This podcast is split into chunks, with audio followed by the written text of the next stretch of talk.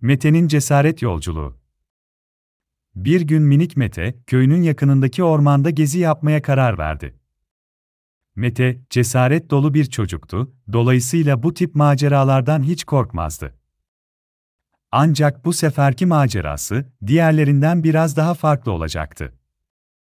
Mete, ormana doğru yol alırken, en iyi arkadaşları Emir Eymen, Yiğit ve Berat'ı yanına almak istedi. Emir Eymen zeki, Yiğit çok hızlı, Berat ise her zaman neşeliydi. Mete'nin bu macerasında onların yardımlarına ihtiyacı olacaktı. Ormana vardıklarında gözlerine inanamadılar. Orman, daha önce hiç görmedikleri kadar canlı ve renkliydi. Ağaçlar yeşilin her tonunda parlıyor, kuşlar cıvıl cıvıl ötüşüyor, kelebekler çiçekten çiçeğe uçuyordu. Ama ormanın içinde daha fazla ilerledikçe biraz korkmaya başladılar. Ormanda ne tür yaratıklarla karşılaşacaklarını kimse bilemezdi. İlk önce bir ayıyla karşılaştılar. Ayı, boyu ve gücüyle korkutucu görünüyordu.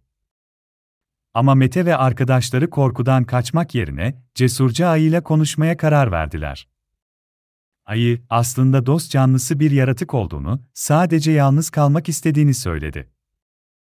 De ve arkadaşları, ayının hislerine saygı göstererek oradan ayrılmaya karar verdiler. Sonra bir timsahla karşılaştılar. Timsah, suda saklanıyordu ve çocukları korkutmak için dişlerini gösteriyordu. Ama Mete cesurdu ve kaçmak yerine timsahla konuştu. Timsah, aslında sadece korunmak istediğini söyledi. De ve arkadaşları, kendi güvencelerini sağlamak adına timsahın yanından hızla uzaklaştılar. Ardından bir ejderha ile karşılaştılar.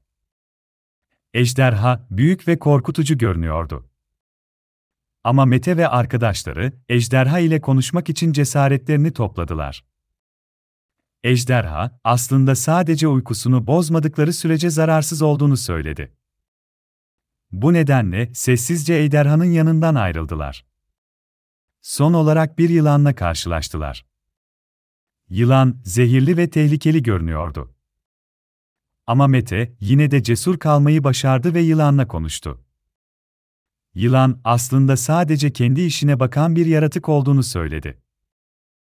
Yılanın bu sözlerini duyan Mete ve arkadaşları, yılanı rahatsız etmemeye karar verdiler ve oradan uzaklaştılar. Sonunda ormanın derinliklerine ulaştılar ve karşılarına devasa bir ağaç çıktı.